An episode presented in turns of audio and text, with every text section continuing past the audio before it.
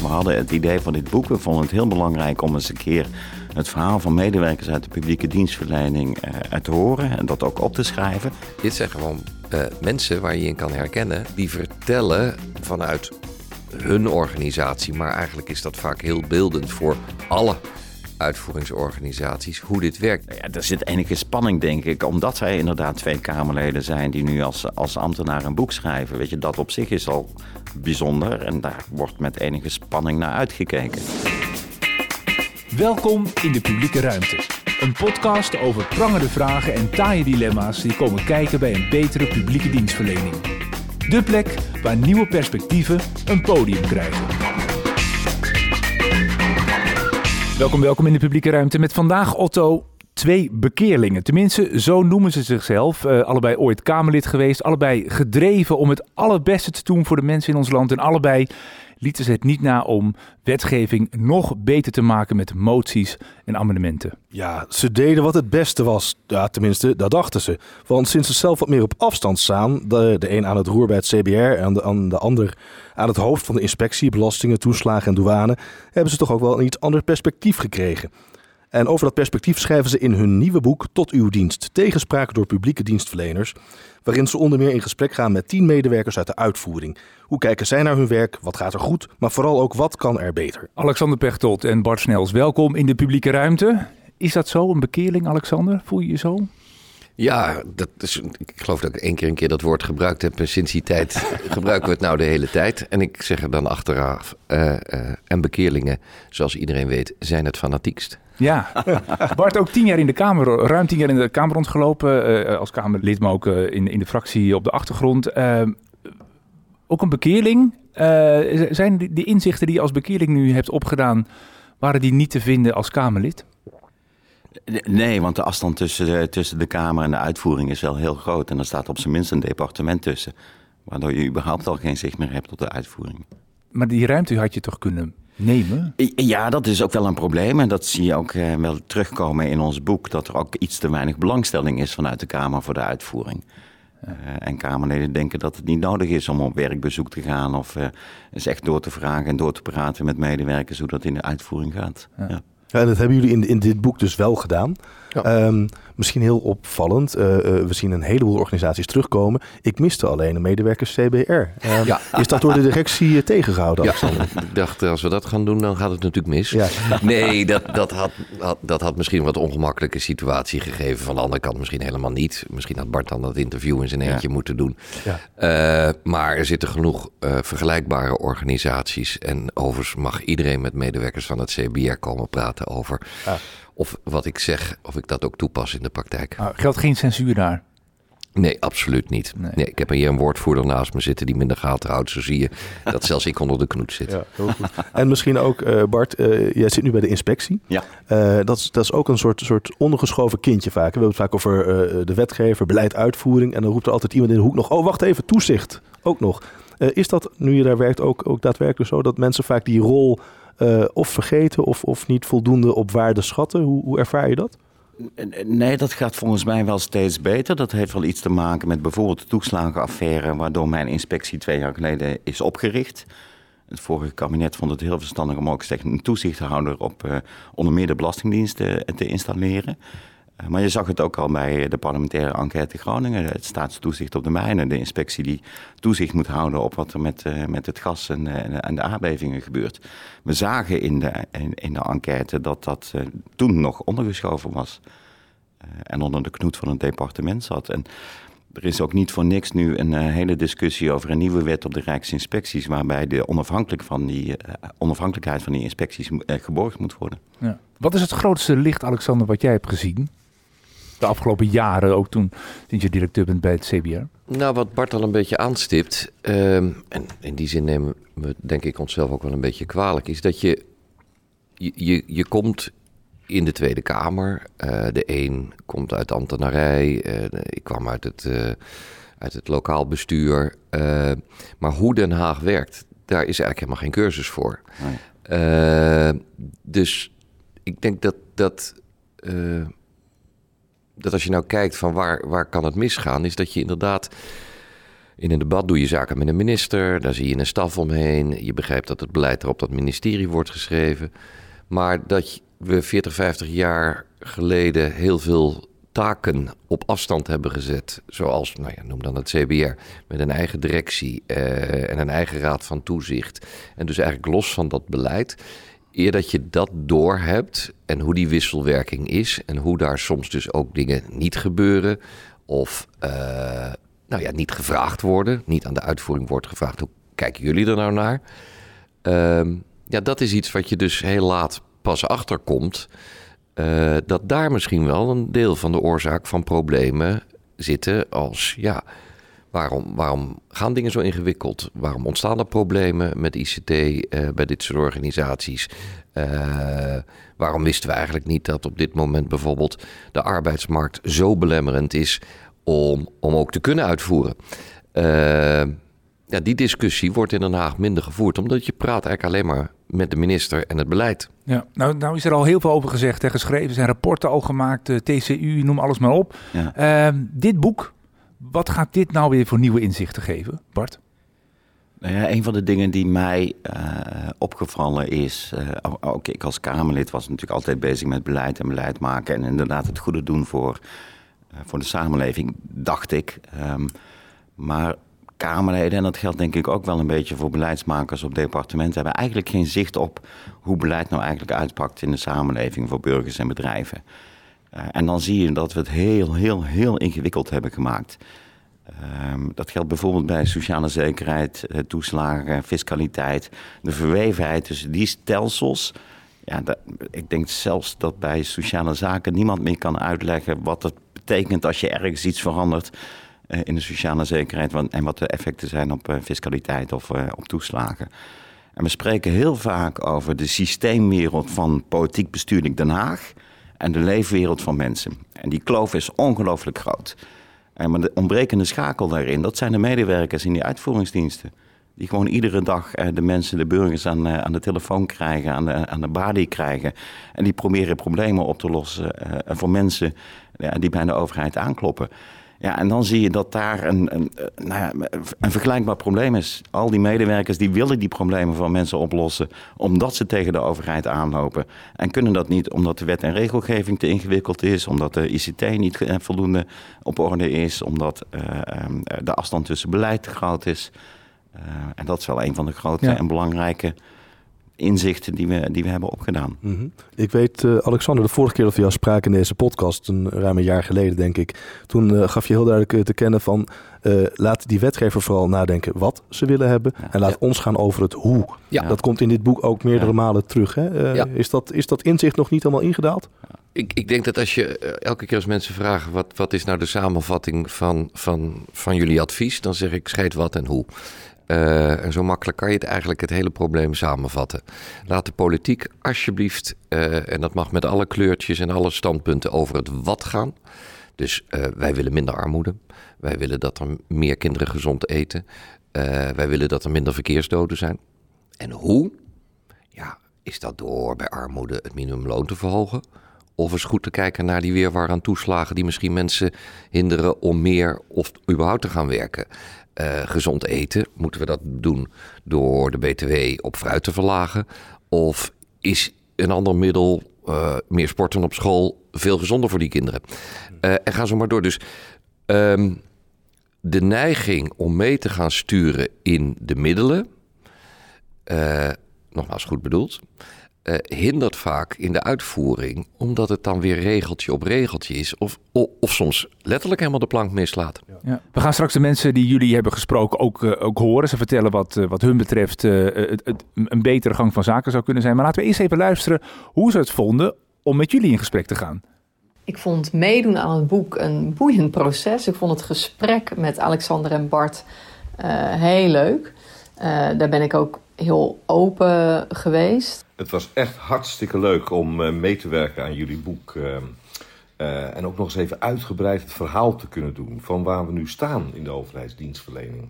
En de problemen die we in de overheidsdienstverlening hebben. Ik vond het spannend om mee te werken aan het boek, omdat je namens ja, UWV een bijdrage mag leveren. Maar ik vond het vooral heel gaaf. Ik vond het leuk om een bijdrage te hebben kunnen leveren aan het boek. Het Het openhartige gesprek met Alexander en Bart was in een zeer relaxe sfeer. En het was ook bijzonder om het perspectief van ex-Kamerleden te horen. Toen ik de tekst terugkreeg, toen dacht ik wel even: oh jee, wat heb ik mezelf nu weer aangedaan? Uh, toen heb ik het ook heel even laten liggen. En toen belde Alexander mij op een gegeven moment. Uh, en toen zei hij zoiets van: uh, Goh, ik hoor dat je bang bent om.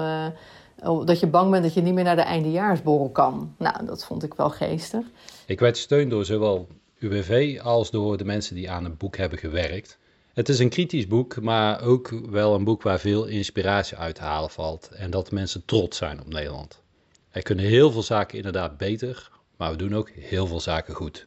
Extern dit doen vind ik toch best wel een beetje spannend. En ik merk dat ook wel aan mijn collega's met wie ik het daarover heb. Die, uh, die kijken me dan toch ook wel met uh, grote ogen aan.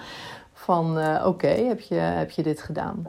Maar ja, ik uh, sta ook achter het verhaal en ik vind het ook belangrijk dat het verteld wordt. Dus uiteindelijk met uh, ja, ook heel veel plezier meegewerkt aan uh, dit mooie boek. Ja, leuk, interessant, maar ook wel een beetje spannend horen we. Hè? We, gaan, we gaan deze stemmen straks nog nader introduceren.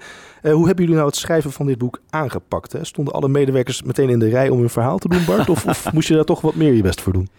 Nou, het allereerste wat we gedaan hebben is ons uh, uh, nou ja, bij, bij de premier op bezoek gegaan. weet je, we hadden het idee van dit boek. We vonden het heel belangrijk om eens een keer het verhaal van medewerkers uit de publieke dienstverlening te horen en dat ook op te schrijven. Maar we staan natuurlijk ook allebei onder ministeriële verantwoordelijkheid. We zijn allebei ambtenaren. Dus we wilden graag toestemming van de premier krijgen. Ehm, uh, inclusief de verzekering dat, dat, de, nou ja, dat de medewerkers die wij zouden spreken dat ook in alle openheid zouden kunnen doen. Dus hij heeft zijn zegen gegeven gelijk ah, vooraf al van ja, ga maar ja, praten. Ja, ja, ja. We, we, zaten bij hem uh, in het torentje. Het was voor mij de eerste keer dat ik in het torentje zat. Hij was direct enthousiast. Hij vond het belangrijk. Ja. Um, en, nou ja, en dat heeft ons wel geholpen om de medewerking te krijgen van, uh, van al die organisaties en, uh, en de medewerkers zelf die we gesproken maar hebben. Maar toch vindt het spannend, hè? Je hoort het, je hoort het te zeggen. En iemand die, die, die, die moet er nog even over wikken en wegen. Je moet er nog een keer ja. achteraan bellen. Ja, en dat is misschien toch ook wel veelzeggend. Ja. Uh, en wij dachten, we kennen Rutte allebei redelijk persoonlijk. Dus wij dachten, nou, we gaan eens even bij hem vragen wat hij ervan vindt. En als hij het nou een leuk idee vindt, dan, dan gaat het natuurlijk allemaal vanzelf. Ja. Nou, dat viel even tegen. Wat, wat, wat, waar ging het ja. niet goed? Of wat, wat was het nou, niet goed. Je merkt dan uh, hoe, hoe snel je dus eigenlijk op het hoogste niveau een akkoord kan krijgen voor... jongens, dit moet kunnen. Hè? Dus uh, het was ooit de oekase kok hè, van een premier... die zei of er wel of niet door ambtenaren met, met media wordt gesproken. Dus als een premier, hij was zelfs op dat moment nog missionair... zegt, ik vind dit een leuk idee, dit moeten we doen... En, en, en, en, dit moeten we vooral ook open doen. Hè? Ja. Natuurlijk zal er wel een rauw randje uitkomen... of iemand die iets zegt wat ons niet allemaal welgevallig is. Maar ja, anders, anders is het, heeft het ook geen, geen effect. Maar ja, daarna volgde een gesprek met de 3SG's, de RVD. ja, ja, ja. Uh, her, dus herken ik wel wat je nu zegt hoor. Ja. Want, want vaak als je bij de overheid in ambtelijke termen iets doet... dan krijg je vaak als eerste vraag als iemand niet helemaal ziet zitten wat je wil... wat is je opdracht? Wie is je opdrachtgever? En als jullie dan aankomen met je boek van... nee, Rutte zegt dat het een goed plan is. Ik denk dat dan een aantal mensen toch zeven kleuren scheid. Uh, zeker, zeker. Nee, ik denk, ja. dit, dit, dank dat je het zo samenvat. Ja. Want zo, zo, zo, zo, zo, zo. Ja. En, en weet je, dat zijn allemaal goed bedoelde. En misschien is dit ook wel ja. weer precies een voorbeeld van wat we in het boek proberen te adresseren. Iedereen heeft een deel verantwoordelijkheid in zo'n geheel. En iedereen denkt, ja, maar wacht even, als het misgaat, naar wie wordt er dan gekeken? Naar mij? Heb ik mijn onderdeeltje van deze besluitvorming, namelijk hoe is het gefinancierd, uh, wat nou als er dit. He, dus iedereen gaat. Ja. Wat het jammere dan is, is dat iedereen eigenlijk de gevaren gaat zien. En dat, dat het enthousiasme van het eerste moment bijna smoort ja. in, in terechte deels vragen over ja maar als dit en ja maar als dat. Ja. En ik denk dat dat precies is wat heel veel van de mensen die we in het boek spreken dagdagelijks meemaken. He, je hebt een heel enthousiast idee. Uh, goh, uh, deze klanten kan ik veel beter helpen uh, als ik het zus en zo doe. Maar vervolgens gaat de afdeling, gaat het hoofd en gaat het werkoverleg en ja. gaan allemaal bedenken wat er mis kan gaan. Maar zijn, zijn we dan bang voor de onversneden waarheid, werkelijkheid? Is, is, dat, is dat lastig?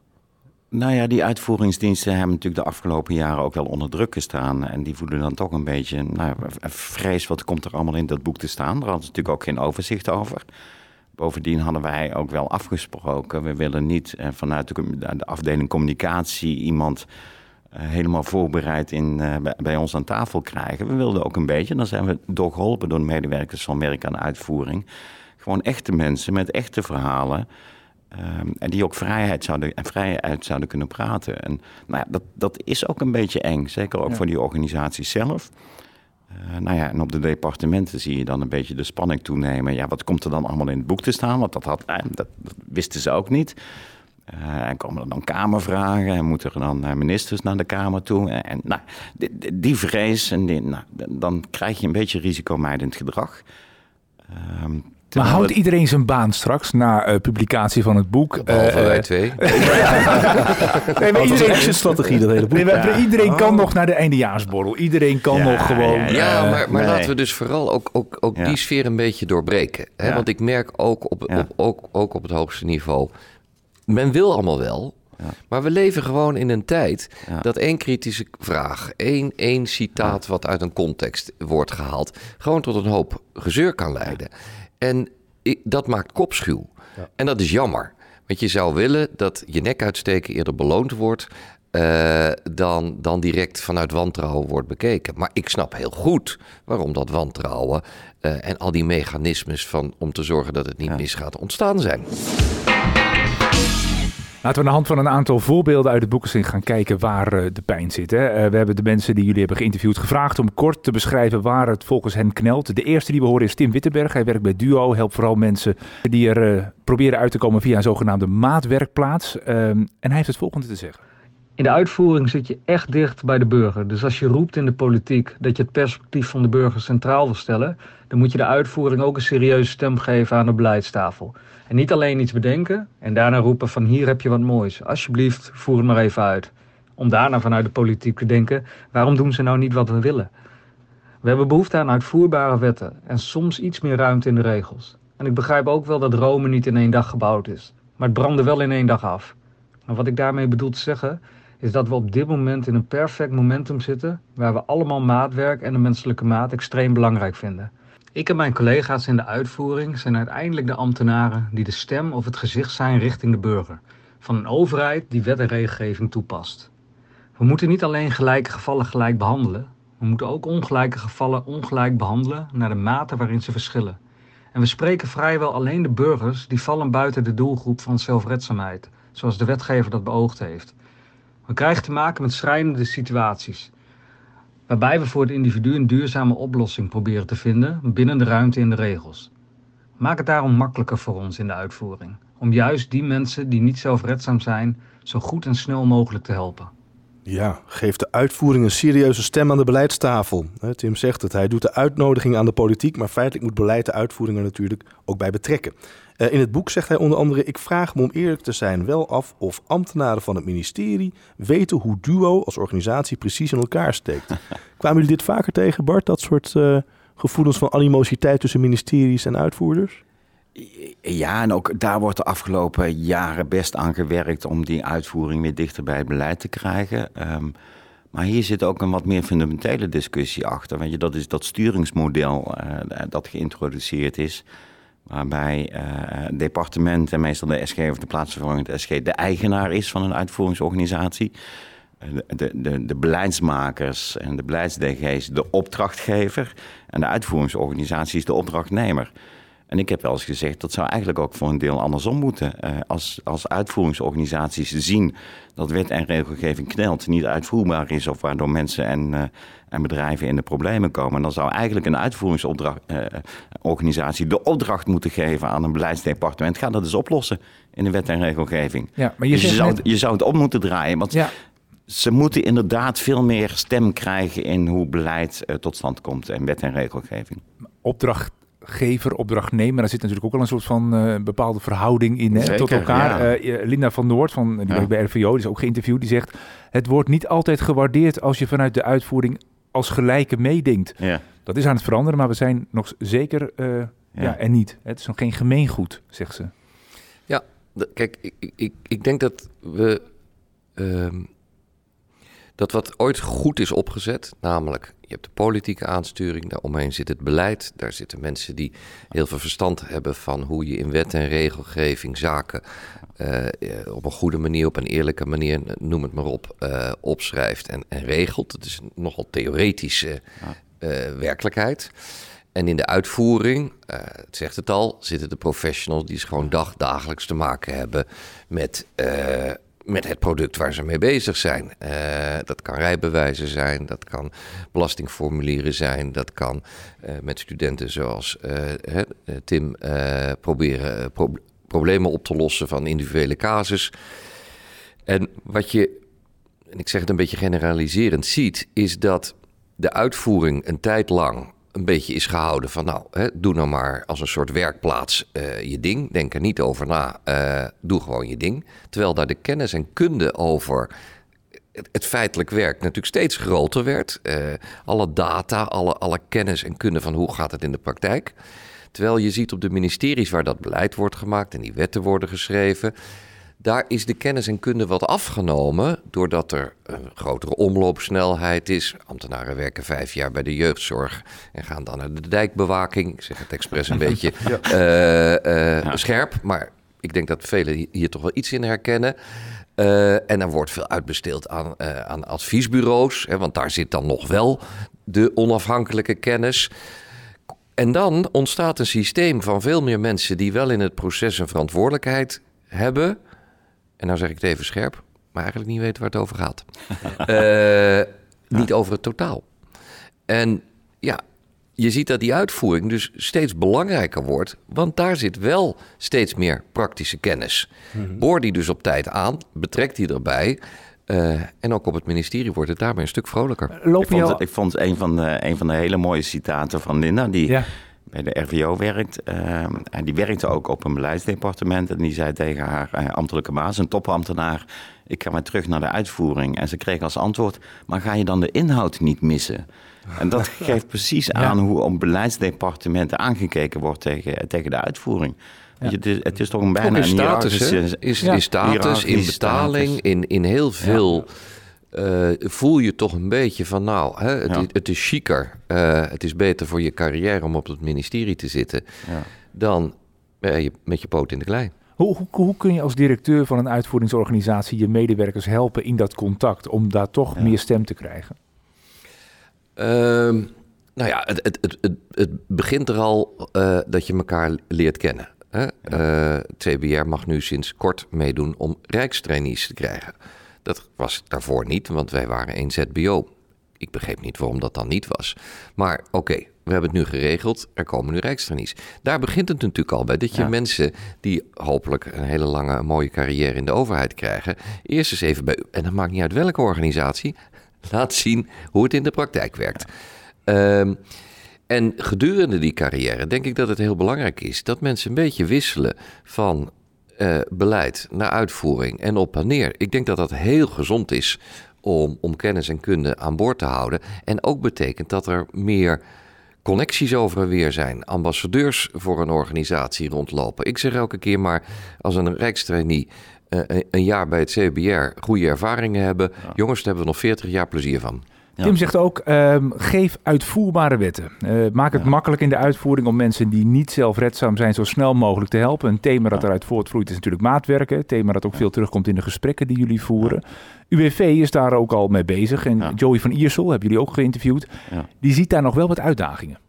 Nou, het is fijn om een stuk te laten zien waar we dagelijks mee bezig zijn in de praktijk. En waar we dus ook tegen aanlopen. Uh, een stuk wetten, regels en processen, daar lopen we echt tegen aan. En binnen UWV zijn we van een procesmatige uitvoerende fabriek naar een professionele publieke dienstverlening gegaan. En dat leidt niet tot willekeur, maar in de grote lijnen streven uiteraard naar dezelfde dienstverlening, maar toepassen van de menselijke maat en dat we de cliënt centraal stellen, ja, dat kun je niet 100% in een proces drukken. Nee. Uh, ervaren jullie het ook zo, dat dat, dat, dat dat knelt af en toe, dat maatwerk uh, en toch ook gewoon de dingen doen die je moet doen?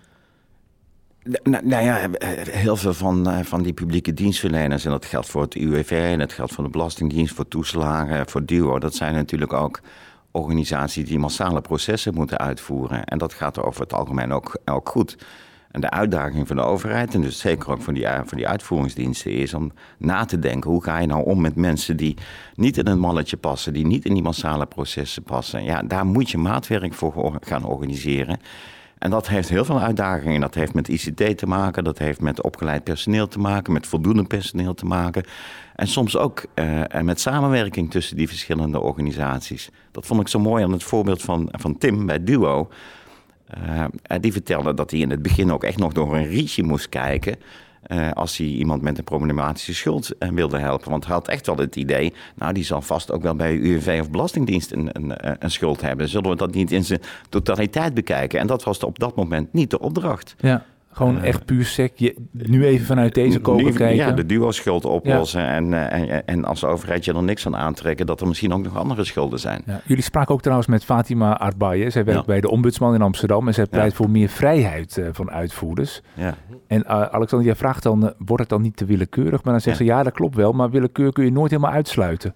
Dat is ook wel een spanningsveld, hè? Die willekeur versus Zeker. maatwerk. Kijk, maatwerk heeft zei iemand wel eens een keer: maatwerk is het voorportaal van willekeur. Uh, en, en dat klopt, maar, maar dat is in zijn algemeenheid zo. Het hangt er natuurlijk een beetje vanaf ja. waar maatwerk wel en niet. En soms ja. is maatwerk niet eens dat je bij de ene, bij hetzelfde product een, een uitzondering maakt ten opzichte van de ander. Maar precies wat Bart zegt, dat als je de samenhang van de problematiek bekijkt, dat je zegt: ja, in deze unieke situatie gaan we het anders doen. Ja. Maar laten we ons altijd beseffen dat wij vanuit de kennis en kunde van dit soort organisaties denken en het individu vaak heel anders denkt. Het ja. verbaast mij nog steeds hoe vaak ik een brief krijg van mensen die zeggen: Ik ben met één fout te veel voor uw theorie-examen gezakt. Hoe kan dat nou?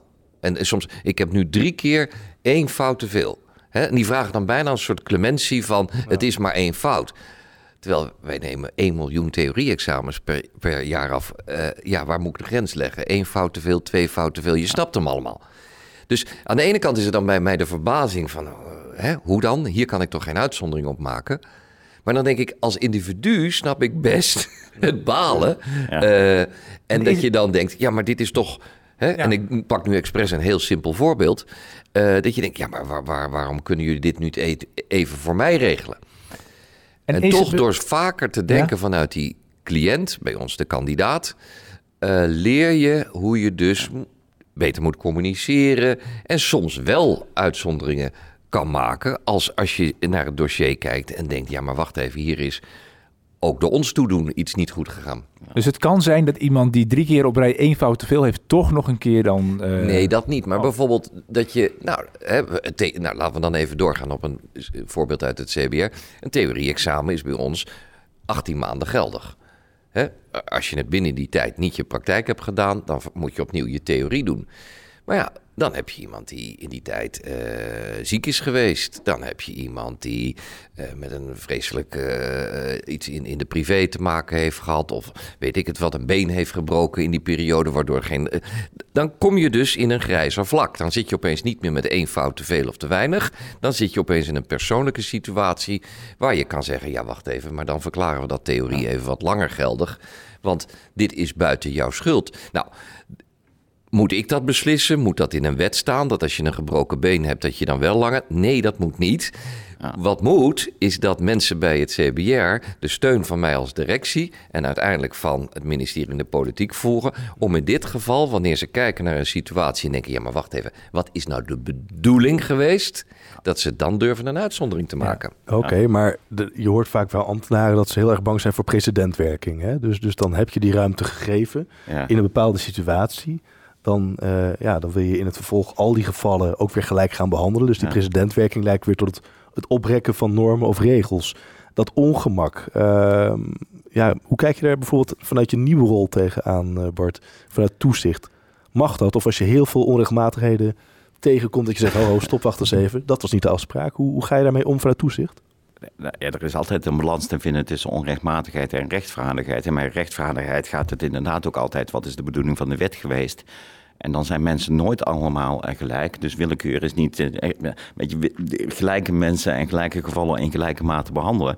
Maar iedereen heeft een, unieke situatie. Dus hè, dat voorbeeld van Alexander is daar uh, heel terecht bij. Ik moet altijd wel denken aan de, uitspraak die Reinier van Zutphen wel eens gedaan heeft, onze ombudsman, die zei: maatwerk is geen panacee voor slechte wetgeving.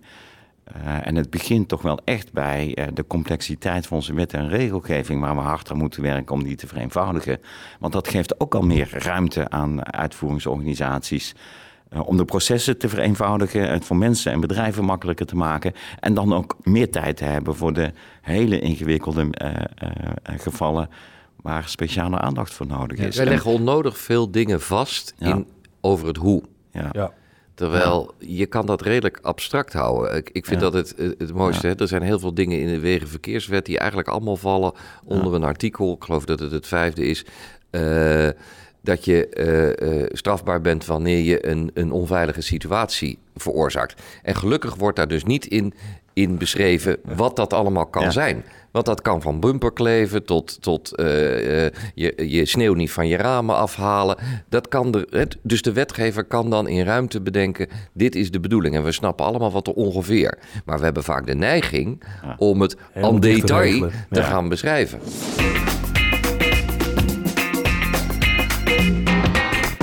Dit is de publieke ruimte waarin we samen met Alexander Pechtold en Bart Snels praten over het boek Tot uw dienst, tegenspraak door publieke dienstverleners, waarin ze onder meer in gesprek gaan met tien medewerkers uit de uitvoering. Een van die medewerkers is Linda van Noord. Zij werkt bij de RVO, de Rijksdienst voor Ondernemend Nederland. En zij vertelt over de casus die ze beschrijft in het boek. Mijn bijdrage gaat over de afhandeling van de waterschade in Limburg en delen van Noord-Brabant. En de kern van wat er mis is gegaan is dat de regeling waarmee we in de praktijk werkten niet overeenkwam met de politieke beloften die zijn gedaan en daarmee ook de verwachtingen die bij gedupeerden zijn gewekt. Want wat was er gebeurd? Uh, net na de ramp zijn verschillende kabinetsleden naar het gebied gegaan en hebben daar uh, hun medeleven uitgesproken en hebben daar uitgestraald.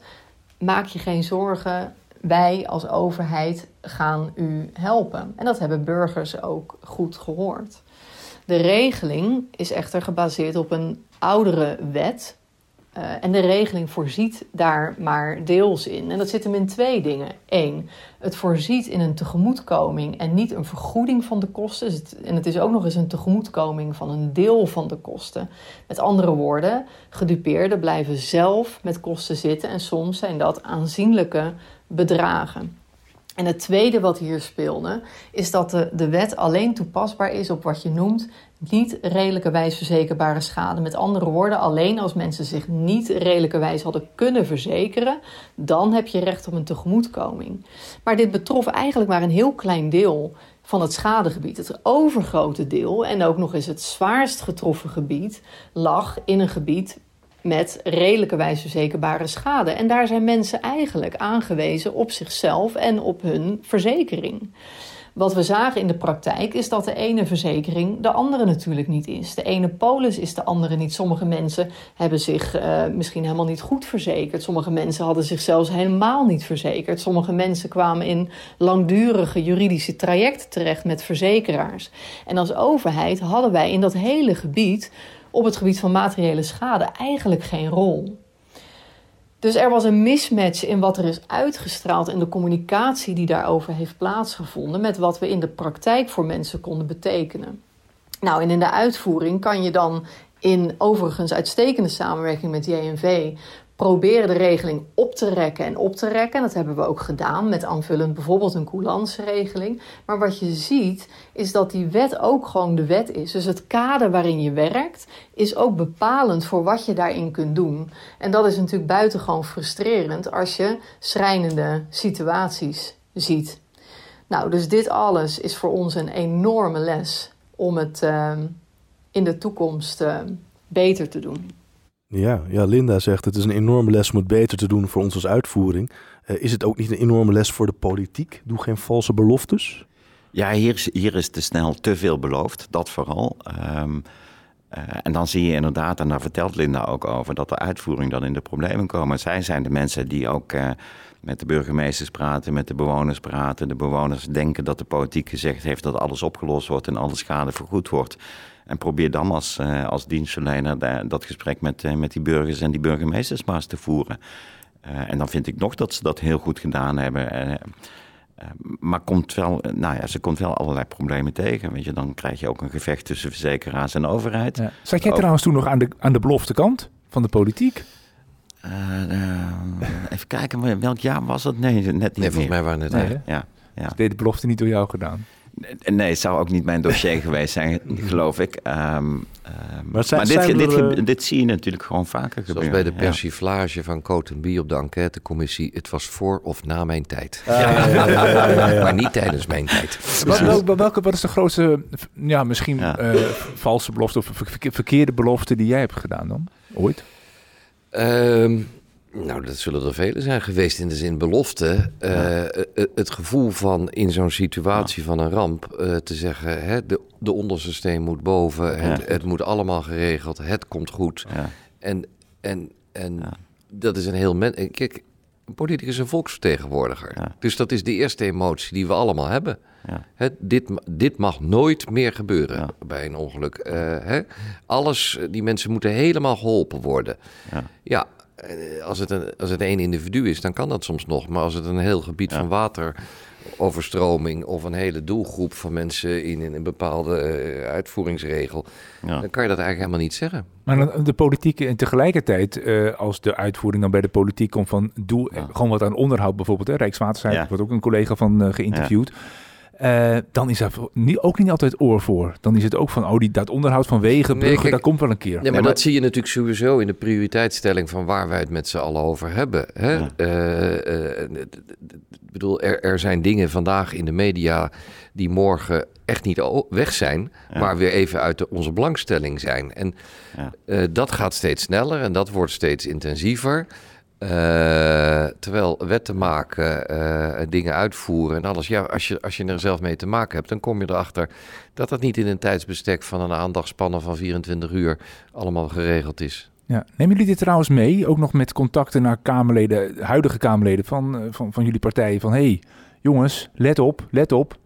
Nou, ik ben geen partijlid meer. Ik ben nu ambtenaar, dus ik heb mijn lidmaatschap opgezegd. Um, maar je hebt toch wel connecties nog? Nee, maar ook als, uh, als inspecteur-generaal uh, uh, kom ik regelmatig ook in de Kamer en kan toelichting geven op wat, op wat wij zien. maar spreek ook wel individuele Kamerleden. En dan spreek ik ook terug tegen de Kamerleden. Ik neem veel ruimte als ambtenaar om ook de Kamerleden uit te leggen wat, er nou eigenlijk, wat wij als inspectie zien op onze domeinen, belastingen, toeslagen en douane. Ook ook eens terug te geven wat het betekent uh, als zij uh, talloze kamervragen stellen, uh, voortdurend met incidenten bezig zijn, terwijl er hard gewerkt wordt in die diensten om, om de uitvoering te verbeteren. Dus weet je, ik, ik ben, inspecties zijn klassiek de ogen en de oren van de minister, maar ik voel me ook wel de ogen en de oren van, van de Kamer. Want die moeten uiteindelijk ook die wet en regelgeving verbeteren. Maar krijgt de fractie van D66 soms nog uitvoeringsles? Ja, zeker, ze krijgen in ieder geval het boekje. uh, en, en, dat zijn er gelukkig nu een stuk minder dan de vorige. uh, nee, kijk, ik denk dat, dat dit boekje misschien juist kan helpen bij politici. Want dit is niet een ingewikkeld rapport waarin een analyse staat over hoe een wet van A naar B en dan toch in de problemen komt. Dit zijn gewoon uh, mensen waar je in kan herkennen. Mhm. wat ik zeg, het kan de buurman zijn, het kan je nicht zijn. Die, uh, die vertellen vanuit hun organisatie, maar eigenlijk is dat vaak heel beeldend voor ja. alle uitvoeringsorganisaties, hoe dit werkt. Ik denk dat dat inzicht, wat bij Bart en mij ja. er misschien latent was, maar nu nog veel mee, meer is, nu we er middenin zitten, dat, dat je dat op je netvlies moet houden op het moment dat je daar dinsdagmiddag aan die interruptiemicrofoon staat te vragen waarom het niet morgen geregeld dus, is. Dus eigenlijk is het boek een, een, mooie compacte samenvatting van 48 standen van de uitvoering. Dus in plaats van dat we al die dikke rapporten moeten lezen, met dit boekje zou je eigenlijk al uh, voor een groot deel het signaal te pakken hebben. Nou, het is ook een reflectie, ook, ook zeker voor Kamerleden en soms ook bewindspersonen. Um, Weet je, want ook in die Kamer, weet je, net als in die uitvoeringsdiensten, ook in die Kamer werken 150 Kamerleden die dag en nacht hard aan het werk zijn. Weet je, dat, ook dat zijn geen mensen die denken... we gaan het eens even verkloten voor Nederland. Die willen ook het beste voor, uh, uh, voor, voor de inwoners. Eh, maar het is wel een soort van systeemkritiek en, en, en, kritiek op de hele grote afstand die er is tussen Kamerleden, beleidsmakers op departementen en, en de leefwereld van mensen, ja. waar de dienstverlening uh, een rol in, in, heeft te spelen. We hebben nog één persoon uh, die, die ook in het achterhoofd gehouden kan worden als een, een Kamerlid weer eens bij de interruptiemicrofoon staat. Dat is Remy Langeberg, hij werkt bij het CAK. Luister even mee. De Rijksdienst, de Rijksoverheid, bestaat eigenlijk helemaal niet. Het is een goed georganiseerde gefragmenteerde zeg maar, chaos. En een heleboel mensen hebben daar last van. Met name grote groepen burgers die in de lage inkomensgroepen zitten. Want die hebben de meeste overheden nodig. Niet alleen de centrale overheid, maar ook nog eens een keer de decentrale overheid. En ik hoop heel erg dat in de domeinen die sterk met elkaar samenhangen, zoals het domein van werk en inkomen, het domein sociale zekerheid, het domein zorg en welzijn, waar mensen continu doorheen uh, gaan, dat dat sterk tot vereenvoudiging gaat leiden de komende jaren. Maar dat gaat zeer doen, um, want de inkomensverschillen die zullen daar toch wel door ons gaan ontstaan. Maar we hebben nu zoveel domeinoverstijgende problematiek, waarbij ook nog eens sprake is van ernstig ondergebruik van regelingen, dat we burgers daarmee uh, niet echt helpen. Tja, je zou het ook positief kunnen uitleggen dat die overheid heel veelzijdig is. Ja. Hij noemt het georganiseerde chaos. Ja. Um, is, is het nog te redden? Ja, ja, die organisatie zelf. Uh, uh, weet je ook niet voor niks dat wij uh, dit boek ook een beetje in samenwerking met werk aan de uitvoering hebben gedaan. Die organisaties zelf zijn heel, heel hard bezig om ook die samenwerking te bevorderen. Maar ook dat is ingewikkeld. Ook dat heeft weer met, met wet en regelgeving te maken. Vaak ook met, met problemen met de AVG. Mogen gegevens gedeeld worden. Als inspectie hadden we daar deze week nog een keer een, een rapport over. Waarbij het lastig is om de dienstverlening te verbeteren voor organisaties, of het nou Belastingdienst is, toeslagen, UWV, als gegevens ook niet gedeeld mogen worden. Zodat je snel in de gaten krijgt, oh hier is iemand die in de problemen terecht te komen. Niet alleen met, met de zorgverzekering betalen, maar ook met een toeslag of met een, met een uitkering of met, met de fiscaliteit. Ja, dat is een hele grote opdracht. En daar zit ook de versnippering en de chaos in de dienstverlening. Ja, hoeveel contact heb je met andere uitvoeringsorganisaties of andere ministeries, uh, Alexander, om uiteindelijk dat totaalbeeld scherp te krijgen? Lukt dat voldoende? Eh, eh, steeds beter. Maar als het woord interdepartementaal bij ons valt, dan zuchten we allemaal toch wel even van, nou, dan zal het op zijn minst een kwartaal langer duren. En waarom is dat dan? Zo niet een jaar. Ja. Uh, omdat je dan eigenlijk het, het, het, het, wat stroperige systeem wat we zojuist binnen één kolom uh, dan nog moet gaan verknopen met een andere kolom. Ja. En dan... Maar een grondige herziening, een grondige reorganisatie. Uh, is, is, is dat nee, waar we naartoe moeten? Nee, nou. nee ik, ik, ben nooit zo voor. voor het is meer vanuit je bewustzijn allemaal als radartje bedenken: draag ik nou iets bij aan dat dit versnelt? Of. Als, als, een stuk van, van links naar rechts moet. Ik, ik, ik, ik geef het altijd als voorbeeld. Als ik voor ambtenaren word gevraagd van als Kamerlid van wat zou je ons nou adviseren? Dan zeg ik altijd, nou beantwoord die schriftelijke vragen nou eens een keer binnen een week in plaats van eh, na een verlenging van zes weken. Hè? Uh, en dan zeggen ze ja, maar dan moet het van bureau links naar rechts. En dan moet die nog een paragraaf en die. En dan moet er nog een ander ministerie. Aan de ene kant snap ik het. Maar als je op dat moment gewoon eens even met z'n allen denkt: kan ik het vandaag nog doen of leg ik het weer tot morgen neer? Uh, hoe help ik dit nou even wat sneller, waardoor uh, de ander weer door kan? Ik denk dat dat al een enorme bijdrage zou zijn. Ja. Overigens zou ik het wel goed vinden als een Kamerlid geen schriftelijke vragen stelt, maar gewoon de telefoon pakt en aan de ambtenaar vraagt: wat is hier eigenlijk aan de hand? En dan toelichting krijgt wat er aan de hand is. Ja. Dan zou er heel veel, prima. heel veel. Ja, kan prima. Ja. ja, kijk, er hangt zo'n soort raar beeld van de Oekase kok. Hè? Dat, dat een ambtenaar mag niet met onzin. Uh, je, je gaat geen politiek bedrijven als ambtenaar. Maar als je de vragen krijgt, uh, wat waren de getallen vol, vorig jaar uh, voor dit, dit of dat domein? feiten. prima. En hoe interpreteer je ze, kan ook nog. Uh, vind je dat de minister het goed aanpakt? Dan ga je er schreef over. Hè? Dat snappen we toch allemaal? En dan zal het eens een keer eventjes schuren. Het is de verantwoordelijkheid dan van ook de ambtenaar en, en, en, en de politicus om daar goed mee om te gaan. Maar, maar wij, hebben, wij hebben als CBR net alle nieuwe uh, commissieleden van de commissie INW en een leuke puzzel gestuurd van, van verkeerschaos. Oh ja? een puzzel. Want hun werk is toch puzzelen. Uh, en die hadden we in coronatijd voor de collega's gemaakt. En er lagen er nog wel een paar. Uh, maar daar hebben we een brief bij gedaan met gewoon heel kort... Uh, hè, welkom als Kamerlid en leuk in ons domein.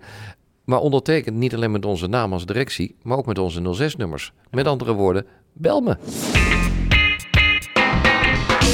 We zijn nu langs een aantal verhalen gegaan van mensen die dagelijks in de uitvoering, in de publieke dienstverlening werken. Ze beschrijven uitdagingen, problemen waar ze mee te maken hebben. Maar die zijn volgens Remy Langenberg, die we net ook al even hoorden, niet nieuw.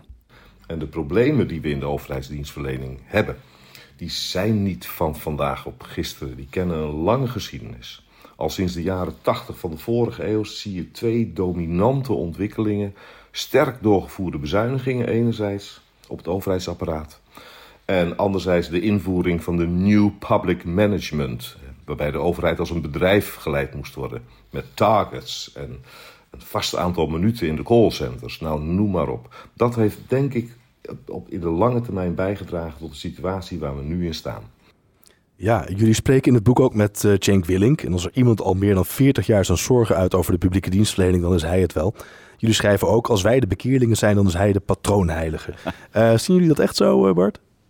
Ja, de gesprekken met hem en Cenk Willink bij hem thuis, in, in, in zo'n woonkamer die vol met boeken staat. En een man die haarscherp analyseert en, en, en precies weet wat hij wil zeggen en wat hij ziet. Ja, dat is wel fascinerend. En, en nou, dat, dan voel ik me ook wel een beetje nederig.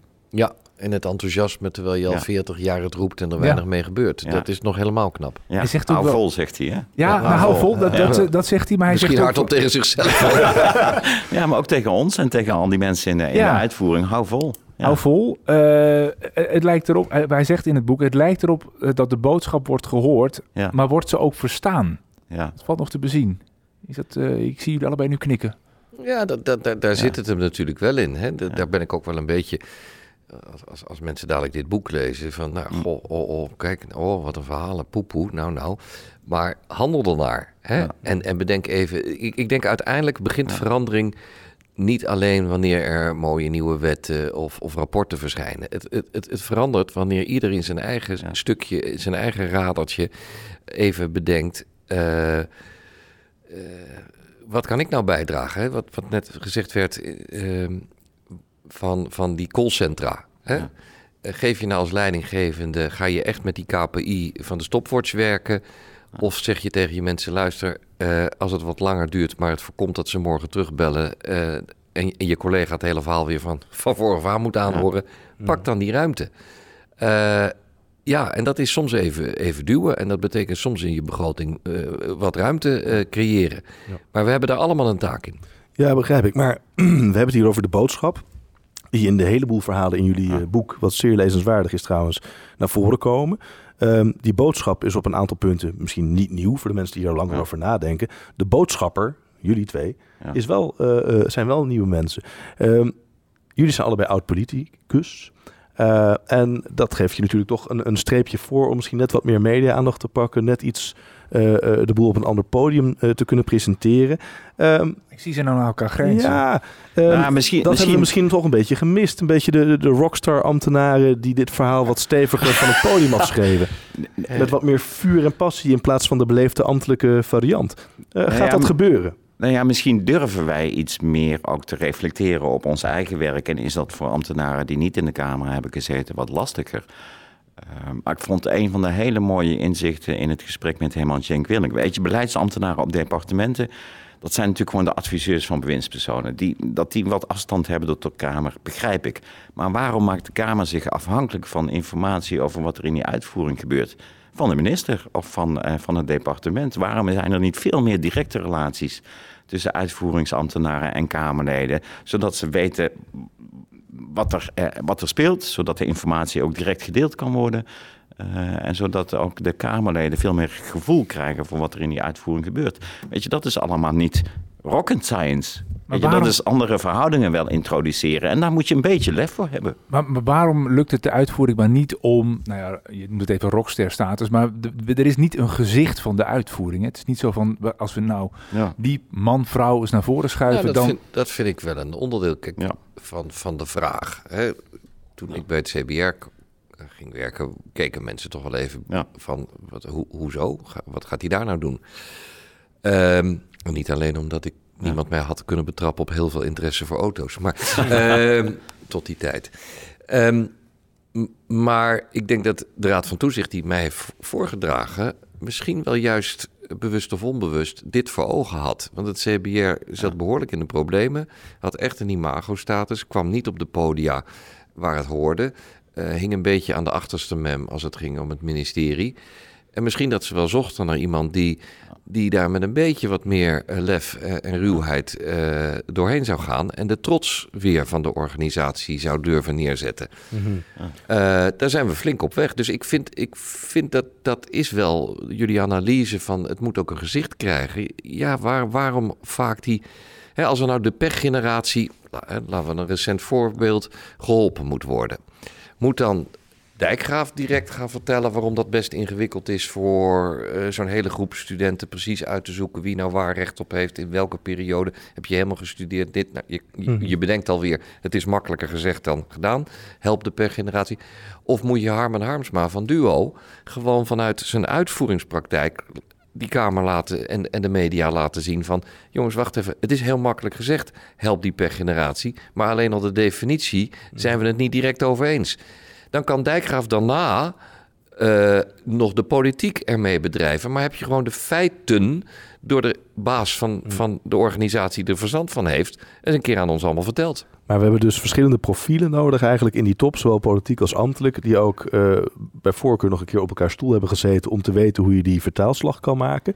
Uh, is de ABD, waar Cenk Willing trouwens ook wel enige kritiek op heeft in, uh, in het boek, ja. niet alleen in jullie boek trouwens, altijd al, is die ABD daar voldoende toe, op, op toegerust?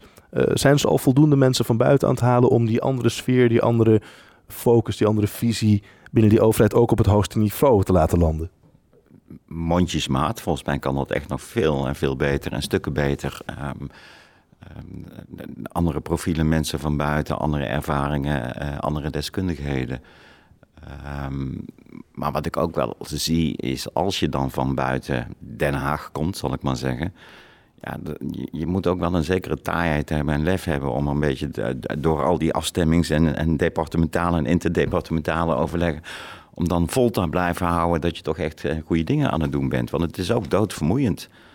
Um... Ja, je ziet toch op, hè, we, we, hebben nu een paar DG's en SG's gehad die van hm. buiten kwamen. En dat ja. blijkt, we blijken toch niet met z'n allen de rust en ruimte te hebben om, om die mensen eventjes ja. Uh, ja. zich te laten inwerken. Hè? Dat, Het is ook al een paar keer misgegaan. Mm -hmm. En dan denk ik, ja, waar ligt dat nou aan? Ligt dat aan uh, omdat ze niet snappen hoe het werkt? Ja. Of is hoe het werkt misschien uh, onmogelijk in, in de rest van de wereld? Ja. Nee, en, dan, en dan mag best een wat meer fundamentele discussie komen.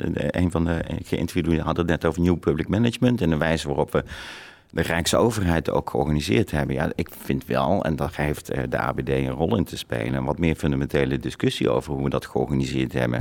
En zowel in dat model eigenaar, opdrachtgever, opdrachtnemer, in de verkokering van de departementen. Daar is wel wat meer denkwerk nodig om niet te blijven doen wat we al die jaren al gedaan hebben. Uh, en dat vind ik wel moeizaam, want ik, ik ik kom wel overal individuele ambtenaren tegen die zich zorgen maken over hoe Den Haag werkt, zal ik maar zeggen. Maar een gemeenschappelijke um, denkkader, uh, um, ja, dat zie ik nog niet. Ja, het, li het, lijkt wel alsof er eerst een groot ongeluk moet gebeuren. Hè? Want Mark Rutte, die ja. hebben jullie ook nog geïnterviewd. Ja. En die zegt, ja, pas na, uh, of vanaf 2019, na de toeslagenaffaire... brengen we geregeld werkbezoeken aan uitvoeringsorganisaties. Wat dat betreft is jullie reis ook mijn reis. Ja. Het is, een beetje, is dat niet een beetje laat? Nou, reflecteer even, Alexander. Ja, eh, kijk, ik, ik ja. vind hem in, in, in dit boek ook best reflectief. Ja. En, en ook voor hem geldt, ja. Uh, wat zegt, uh, wat zegt Cruijff ook al, al, altijd? Als je, het, als je het ziet, dan snap je het. Of zo, zo. Ik bedoel, ja. het duurt even voordat je... Ga het pas zien als je het door hebt. Ja, ja precies. Ja, die. Uh, ik denk dat dat uh, ja. zelfs op, in het hoogste ambt geldt, uh, ja. in, in, het torentje.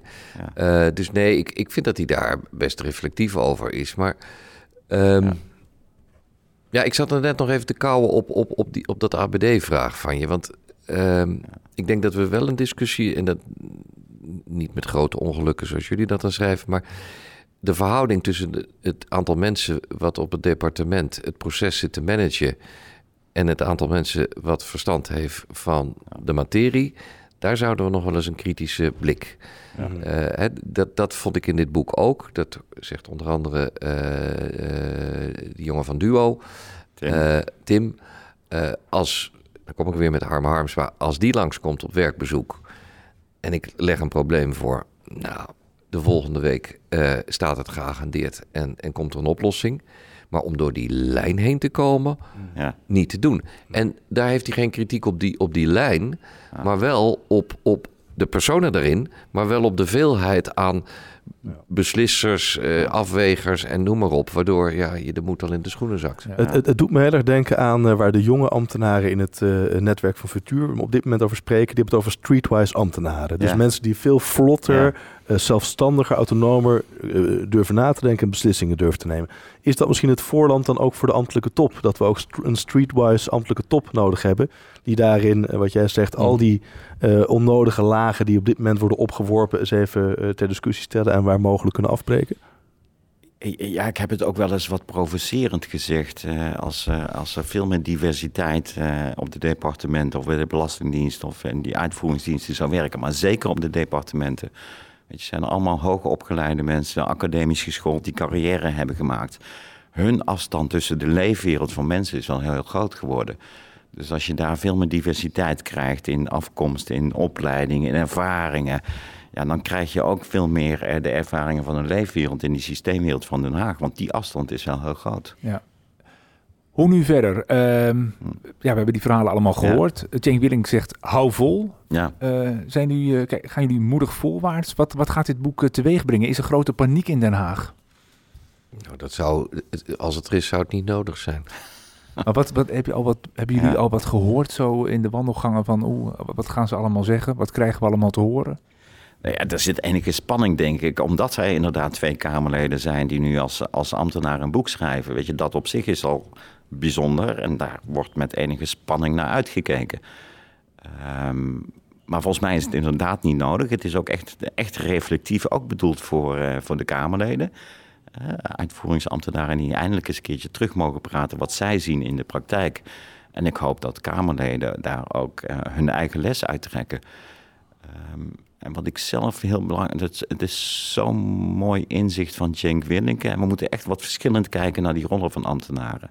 Je had het net over boekbeelden. Ik als inspecteur-generaal, uh, en dat is bij mij ook nog geregeld in de ministeriële regeling, mag met de media praten, mag met de Kamer praten. Uh, maar eigenlijk zouden de uitvoeringsambtenaren en de bazen van, uh, van de uitvoeringsorganisatie dat zelf ook veel meer moeten doen.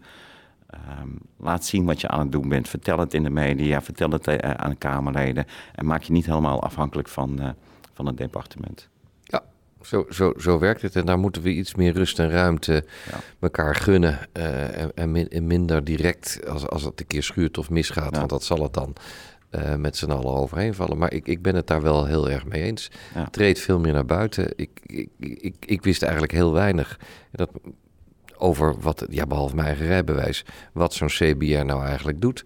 Ja. En, en dan, dan denk ik, ja, hoezo kan het dat ik na 14 jaar in Den Haag eigenlijk zo weinig over ja. veel van die organisaties weet? Ja. Dus het is belangstelling, daar begint het mee. Daarna een beetje begrip voor dat de ander ook best een ingewikkelde taak heeft.